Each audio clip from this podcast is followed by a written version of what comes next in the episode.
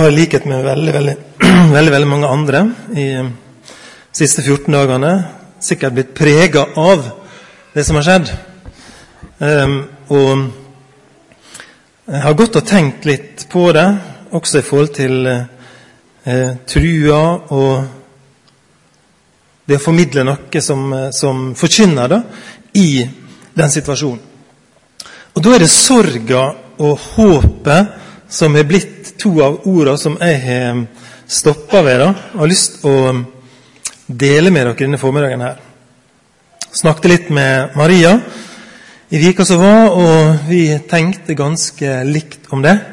Eh, og så syns jeg at hun på en fin måte har, har tatt oss inn, første steget på en måte, eller kanskje mer enn det, inn i det som er temaet. Eh, og jeg har ikke svaret i dag. Jeg har ikke svarene på hvordan vi skal sørge, og hva som er nær sagt alle sidene ved håpet, men jeg har lyst til å dele noe av det som jeg har fått, og som jeg tenker på um, i forbindelse med dette her. Det å si noe om sorg.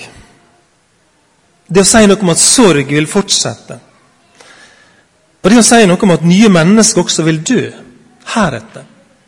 Det vil, det vil, være sånn at noen vil dø også etter 22. juli. Noen har allerede gjort det. Unge mennesker vil dø. Og noen vil dø på en tragisk måte fortsatt. En brite ble tatt livet av en isbjørn nettopp. Og det vil fortsette å dø mennesker som er nær eller mindre nær oss. En venn av meg skal følge en i familien til grava neste uke. Døden vil fortsette. På naturlig måte, kan vi si, og på mer dramatiske måter. Døden lar seg ikke stoppe. Og det har dypest sett med syndefallet å gjøre. Det at mennesket falt i synd. Det djupeste det at synda kom inn i verden, og døden og dødskreften kom inn i verden, det er der det grunner. Alt sammen. Og det kan vi ikke sikre oss imot. Det finnes ikke sånn PST mot døden og mørket.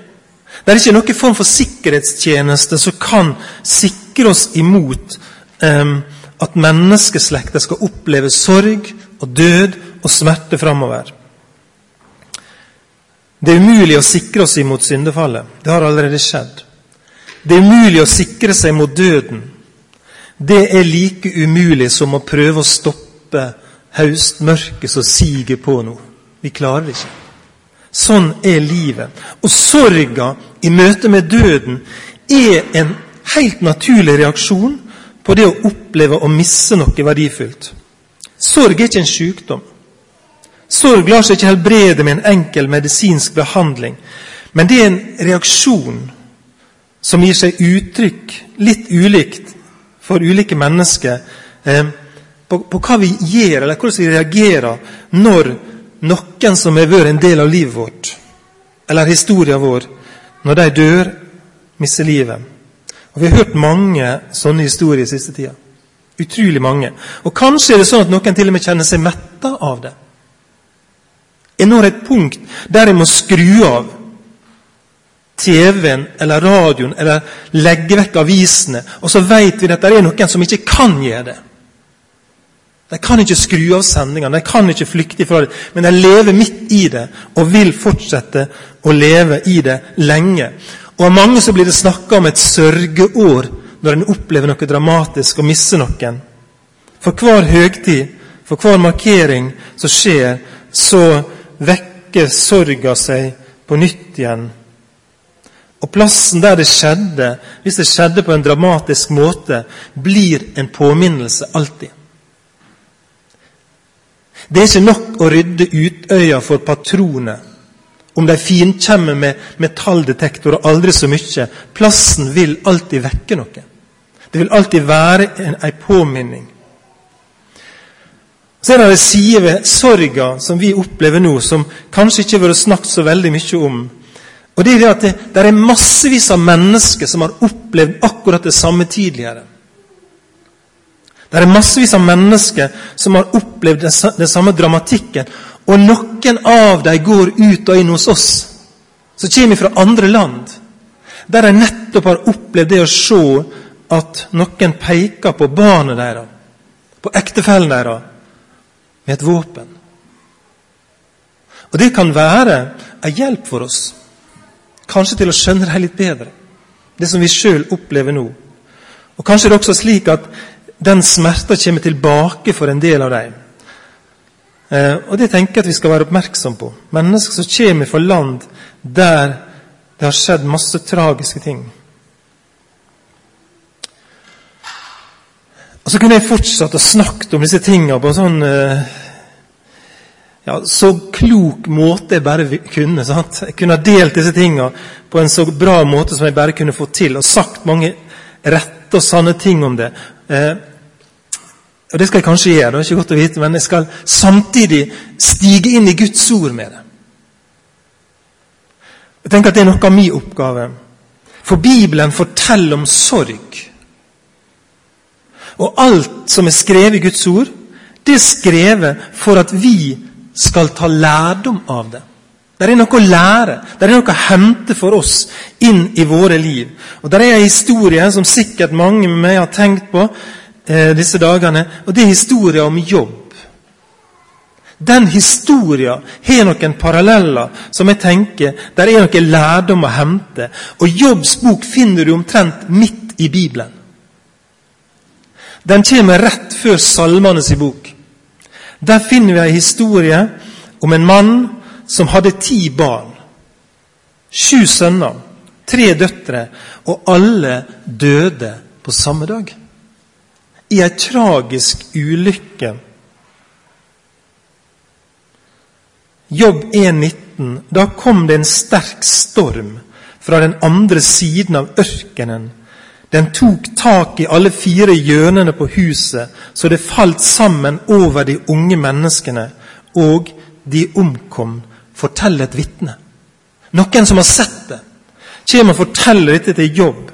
Mens ungene dine hadde fest i huset hos den eldste sønnen, så kommer det en vind, og så ødelegger den huset, og alle ungdommene omkommer. Han mister ti barn på én dag. Dette er Jobbs lange fredag. Dette er Jobb sin møte med smerte. Jeg vet ikke hva Jobb gjorde med de ruinene etter denne boligen, her, men det var alltid en påminning så lenge han levde. En påminning om en historie med smerte og sorg. Så leser vi i Jobb 1, fra vers 20 og utover, om hvordan denne Jobb, som var en rettskaffen og gudfryktig mann, hvordan han reagerte med sorga. Da reiste Jobb seg og sønder rev kappen sin. Han klipte håret av hodet sitt og kastet seg ned på jorden og tilba og sa Ja, hva sier du da? Hva sier et menneske når han får en sånn melding og en sånn beskjed? Jobb sine ord var disse her. Naken kom jeg fra min mors liv og naken skal jeg vende tilbake. Herren gav, og Herren tok, og Herrens navn være lovet. Det er nesten sånn at vi kan oppleve det litt provoserende. Det kan oppleves nesten for enkelt, kan vi tenke. Men jeg er djupt overbevist om at det er det ikke. Jobb sin sorgreaksjon er en ekte sorgreaksjon. Det er en sann sorgreaksjon fra en Guds mann. Han reiv synd kappa si. Det var ikke så uvanlig, det, i møte med sorga. Jakob, han som hadde tolv sønner, gjorde det samme når han fikk melding om Josef. River synd kappa si. Sørger i lang tid. Foretar en fysisk handling. Jeg, jeg river av meg klærne. Og viser meg hjelpeløse. Hvor naken jeg er. Jeg har ingenting som kan varme meg, jeg har ingenting som kan dekke meg. Jeg er naken, jeg er sårbar, og jeg klipper av meg håret. Og jeg kaster meg ned på jorda. Det er et språk for sorga som fører til fysiske handlinger i Jobb sitt liv. Symbolhandlinger, kan vi si. Og så tilber han Gud midt i det hele. Og Det er noe med den tilbedelsen som jeg tenker er viktig å få tak i. Der er en tilbedelse med en erkjennelse av noe. Han har en djup, djup erkjennelse og en ydmykhet i møte med livet og i møte med døden. Og erkjennelsen hans er det at jeg kom naken inn i denne verden. Uten en tråd. Uten ei kappe. Jeg holdt på å si uten et hår på kroppen. Naken kom jeg. Og så sier han, 'Naken skal jeg gå'. Det er en erkjennelse av livet som er realistisk, og den er livsnær, og vi vet sånn er det. Og så erkjenner han midt i dette at i min nakenhet så tilhører jeg Gud. Så vil jeg tilhøre Gud. Og jeg vil vende meg til Gud i min sorg.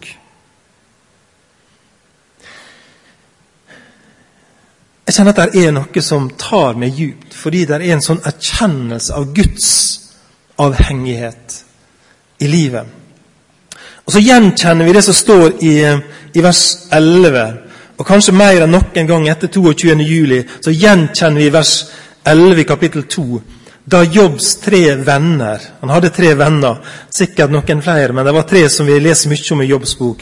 Da Jobbs tre venner fikk høre om all den ulykken som var kommet over ham, kom de fra hvert sitt sted.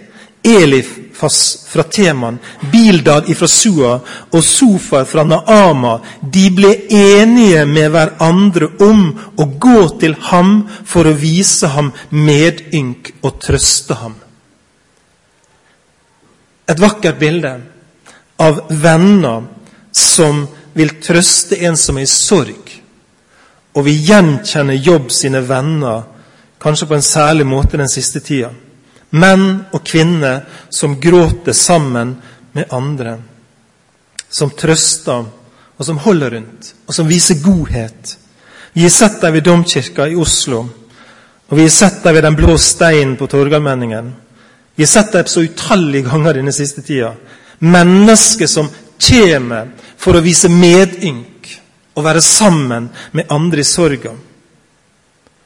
Ei stille sorg, en ettertanke og en medfølelse. Og jeg tror at den sorga og den omsorga, den er, som det var sagt av en biskop da tidlig i fasen, det er gitt oss av Gud å ha omsorg for hverandre. Uten å gå djupt inn i det, så har jeg bare lyst til å si det. Dette at vi viser omsorg for hverandre og viser godhet overfor hverandre, det er ikke et resultat av darwinisme. Av en tilfeldig utvikling som har skjedd, der godhet ble tilfeldigvis det vi landa ned på i forhold til å vise omsorg for hverandre. Det er noe som Gud har lagt ned i oss. Det å vise omsorg for hverandre. Og de ble sittende stille lenge har sikkert lest det før og lagt merke til det, så satt de hos ham der på jorden i sju dager og sju netter. Det er ganske spesielt. Og ingen sa et ord til ham, for de så at hans pine var meget stor. Det er noe med empatien som slår ut i full blomst hos disse vennene. Vi ser at du jobb har det vanskelig, og vi har ikke ord. Og ikke det sånn vi kjenner på det i møte med det grusomme? Miste ti barn på én dag. Alt er bare utsletta. Så sitter han der, og han lir, og han har det vondt. Og i tillegg er han slått med plage på kroppen sin. Og de sitter der, og de ser på han, og de sier ingenting. Det er venner som er sammen i stum sorg. Og jeg tror det er en god måte å sørge på. De bare var der. Jeg tror ikke det er den eneste modellen for å sørge sammen. Men jeg tror det er en god modell å kunne komme og bare si det sånn Jeg har ikke ord, men jeg vil være her. Jeg vil sitte her hos deg. Og så sitter jeg der i sju dager og sju netter. Det skal litt til å gjøre. Men jeg bare var der. I stillhet, til og med. De sa ingenting. Jeg har sagt det av og til på tull, jeg vet ikke om jeg skal si det i dag, men men, men, men, men, det er noe med det at det var ikke dame, derfor var det så stilt, det er noen som har sagt. Men, det var noe med sorga, det var noe med smerta, det var noe med krafta i den situasjonen som bare gjorde det. Vi sier ingenting. Det er bare vondt, det som skjer. Og Jeg, jeg syns det er en god måte å gi videre til oss i dag, fordi vi er så opptatt av hva vi skal si. Og jeg kjenner på Hva skal jeg si som kan trøste et menneske på en sånn måte at jeg har mot til å gå videre? Og så er det noen ganger slik at jeg trenger ikke si noen ting. Jeg bare er der. Jeg bare sitter der. Og jeg blir værende hos deg i din smerte. Og Så ser vi at Jobb sitt sorgreaksjonsmønster seinere eh, får andre utslag i livet vårt. For eksempel så, så sier han litt senere at jeg, jeg skulle ønske ikke jeg var født. Jeg skulle ønske at jeg aldri så lyset, på en måte. At jeg kom inn i denne verden. Det, det, jeg skulle ønske at den dagen, Forbanna den dagen da jeg var født. Det blir noe av hans, sorgreaksjon videre. Så det er rom for mange sider i sorga. Og Bibelen taler ærlig om det, åpent om det. Og Der har vi en situasjon der Jobb altså sørger på ulike måter. Og så er Jobbs historie noe mer enn sorg. Jobbs historie er en lang og kanskje litt kronglete historie å få oversikt i, men på et eller annet tidspunkt så sier Jobb noe om håp. Og Når han kommer til kapittel 19 vers 25, så sier Jobb, 'Jeg vet at min gjenløser lever.' Og som den siste skal han stå frem på støvet. Jobb lever ikke livet sitt resten, eller resten av livet i ei endeløs og stum sorg, men det tennes et håp. Og Derfor kan vi godt si at dagens tema ikke er sorg og håp, men sorg med. Det går an å sørge med håp. Jeg vet at min gjenløser lever seg. Gud er en levende Gud. Og han har en Gud som han tror på, som kan forløse, som kan løse han ut ifra døden og synda sine lenker. Det er den Gud jeg tror på, sier han. Og det stopper ikke med at han vet at Gud lever. Men i vers 26 og 27 i samme kapittel, kapittel 19, altså, så sier han at han sjøl skal leve. Jeg skal fortsette å leve. Eh, siterer, og etter at min hud er blitt ødelagt, skal jeg ut fra mitt kjød skue Gud, ham som jeg skal skue, meg til gode, han som mine øyne skal se, og ikke noen fremmed. Det er et håp i Jobb sitt liv som går utover sorga. Og det handler om at Gud lever, og at han sjøl skal leve. Jeg las et sitat av forfatteren Lars Saabye Christensen her en dag. Og Han skal ha sagt det. Det er min eneste trøst i dag at sorgen ikke har tilbakevirkende kraft. At sorgen i dag ikke kan viske ut fargene fra i går. Det er ganske vakkert sagt, syns jeg. Sorga skal ikke få ta ifra meg minner, sier han. Sorga skal ikke få ta ifra meg alle de fargene som vi har etter de menneskene vi har mist. Det er gode farger, minner som vi kan glede oss over, takknemlighet. Men dersom det er min eneste trøst og mitt eneste håp, det å bare se bakover, så mangler det noe vesentlig, som Marie også sa innledningsvis. Og det her jobb har fanga i noe mer. Han eier det kristne håpet, som ikke bare ser tilbake og minnes, men som ser framover med håp. Der er dypne i det kristne håpet. Fordi Legg merke til det. Fordi en kristen eier håp utover dette livet, så får den kristne sorga en annen dimensjon.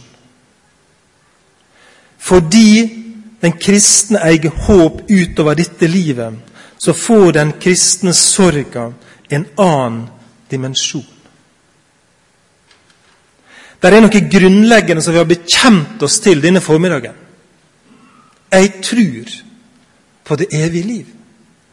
Jeg tror på oppstandelsen. Det er ikke bare det at sorga ikke kan viske ut gårsdagen, som forfatteren sa, minner om fargene og alt. Um, men sorga kan eie håp for morgendagen. Sorg, tristhet, savn og fortvilelse er ikke det siste. En kristen kan alltid sørge med håp. En kristen har håp i det å se framover. Det er en vei. Det er en sang som en har sunget en del på YA, som vi også har sunget noen søndager. Skrevet av en som heter Rudi Myntevik. og Jeg har gått og tenkt litt på den. Han skriver i en sang 'Jesus, du er verdens lys'. Og lyset, det er sterkere enn mørket. Jesus, du er virkelig, og sannheten er sterkere enn løgnen. Så synger han i refrenget Jesus, det er bare du som redder oss. Fra fortvilelse og angst, midt i motgang og i trengsel, kommer du med liv. Kommer du med liv. Jesus, du er verdens håp. Og håpet er sterkere enn døden. Jesus, du er kjærlighet, og kjærligheten overvinner hatet. Jesus, det er bare du som redder oss fra fortvilelse og angst. Midt i motgang og i trengsel kommer du med liv. Det er noe av det som er det kristne håpet. Det er et bibelsk budskap i møte med sorg, redsel, fortvilelse. Og det handler om at Jesus er håpet.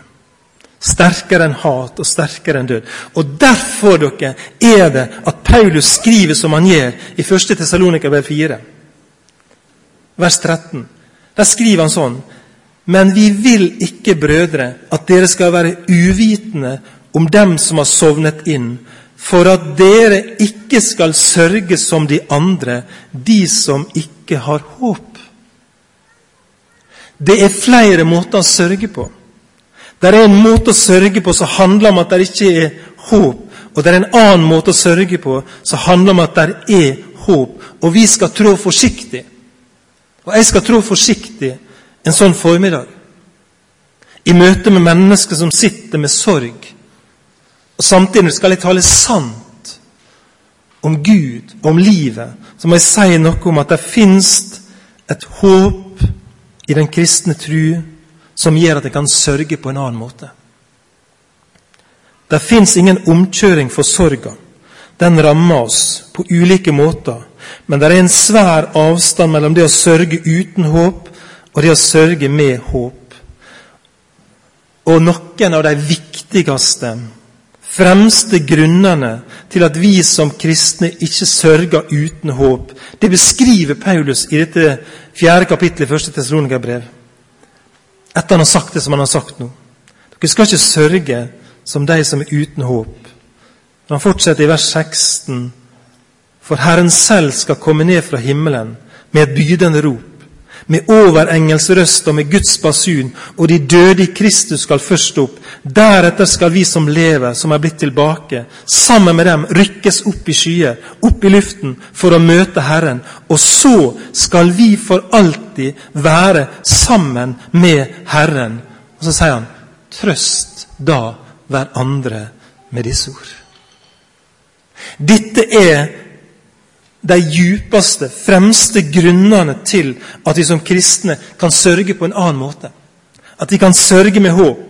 Og Hvis jeg nevner to-tre sider ved det, så handler det for, for det første om det er en oppstandelse fra de døde. De døde i Kristus skal først stå opp, forkynner Paulus. Det tenner et håp. Det å dø i trua på Jesus betyr at det er ikke slutt. Samme hvor dramatisk måte en dør på, så er det ikke slutt, for det er en oppstandelse fra de døde. Eh, og Maria refererte Johannes 11 og Maria og Martha. og Hvis vi leser noen vers derifra, så får vi, får vi liksom understreka det fra Martha sin munn og fra Jesus sin munn. Johannes 11, vers 21. Martha sa da til Jesus, 'Herre, hadde du vært her, da var min bror ikke død.' Men også nå vet jeg at det du ber Gud om, vil Gud gi deg. Men Jesus sier til henne, din bror skal oppstå. Martha sier til ham, jeg vet at han skal oppstå i oppstandelsen på den siste dag. Jesus sa til henne, jeg er oppstandelsen og livet. Og den som tror på meg, skal leve om han enn dør.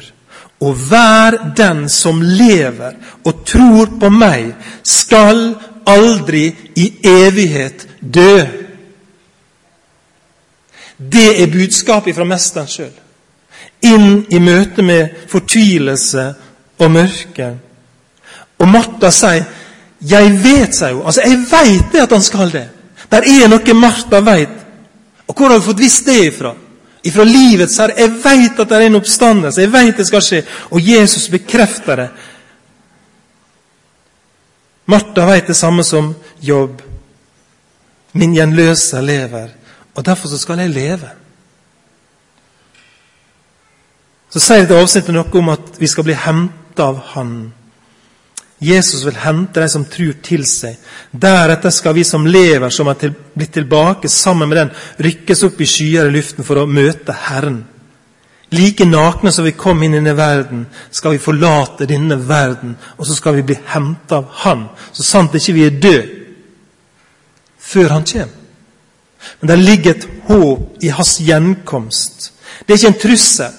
Det er ikke noe vi skal skremme hverandre med. Tvert imot, sier Paulus, trøst hverandre.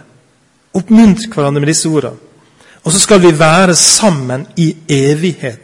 Og så skal vi for alltid være sammen med Herren. Det håp. Det er slik som det er når som, så mange i, i Betlehem, eller så mange, i hvert fall flere unge par som har gifta seg denne sommeren. Etter å sitte her. Når en blir forena, skal vi alltid være sammen. Som brud blir forena med brudgom, skal vi alltid være sammen med Herren. Sammen med hverandre og sammen med Jesus. I himmelen er det mange ting jeg lengter å få se, står det i en sang. Av skjønnhet som alt annet overgår. Men når jeg når det landet og i herlighet fremstår, jeg ønsker å se Jesus først av alt. Være hos han, se han.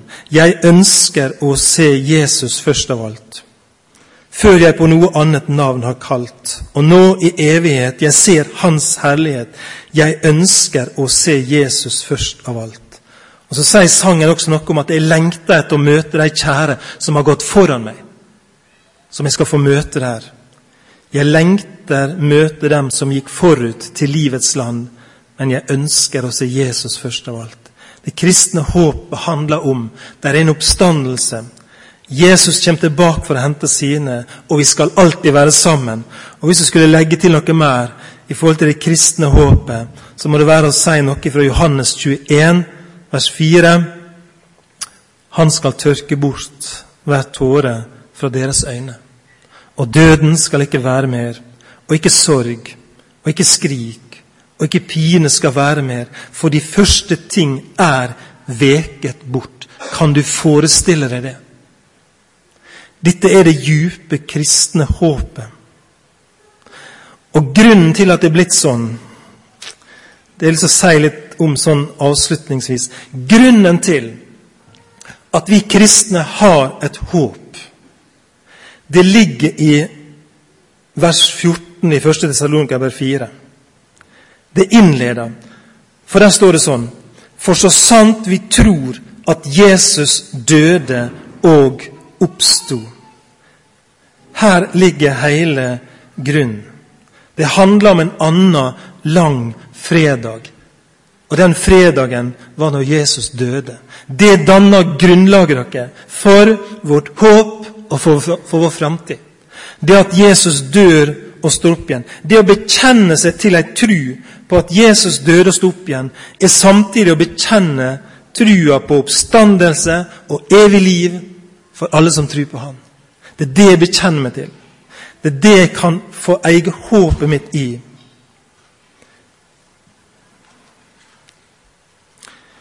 Vi kan skjønne hva våre fedre og mødre mente med 'aldri mer 9. april'. Vi kan det. Jeg tror vi aner det.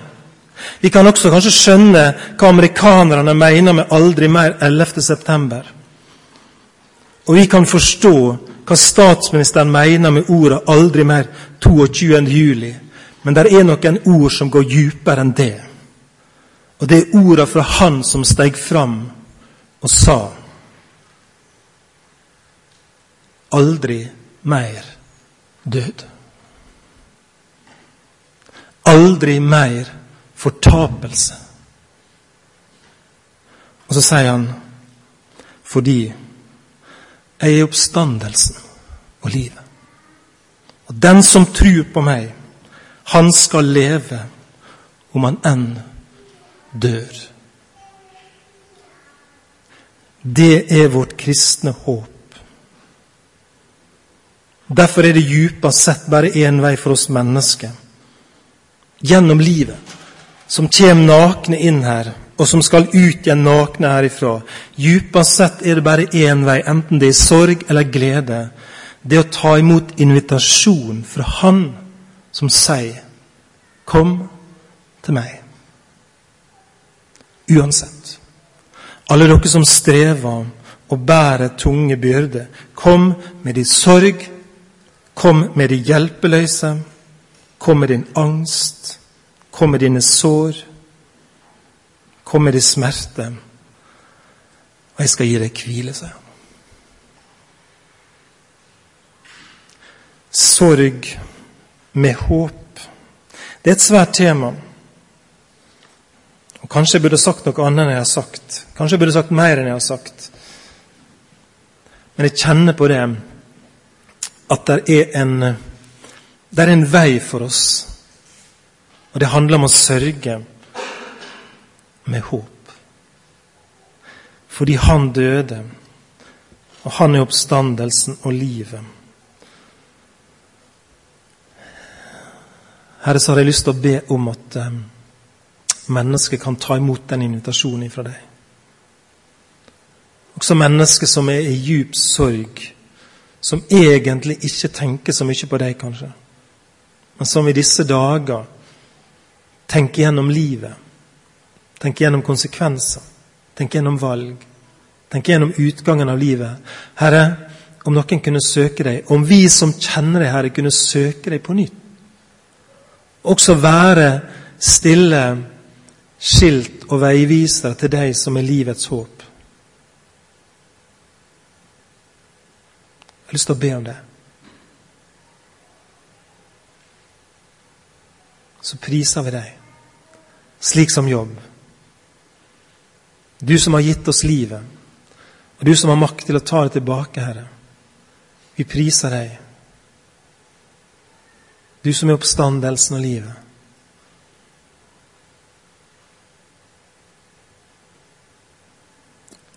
Amen.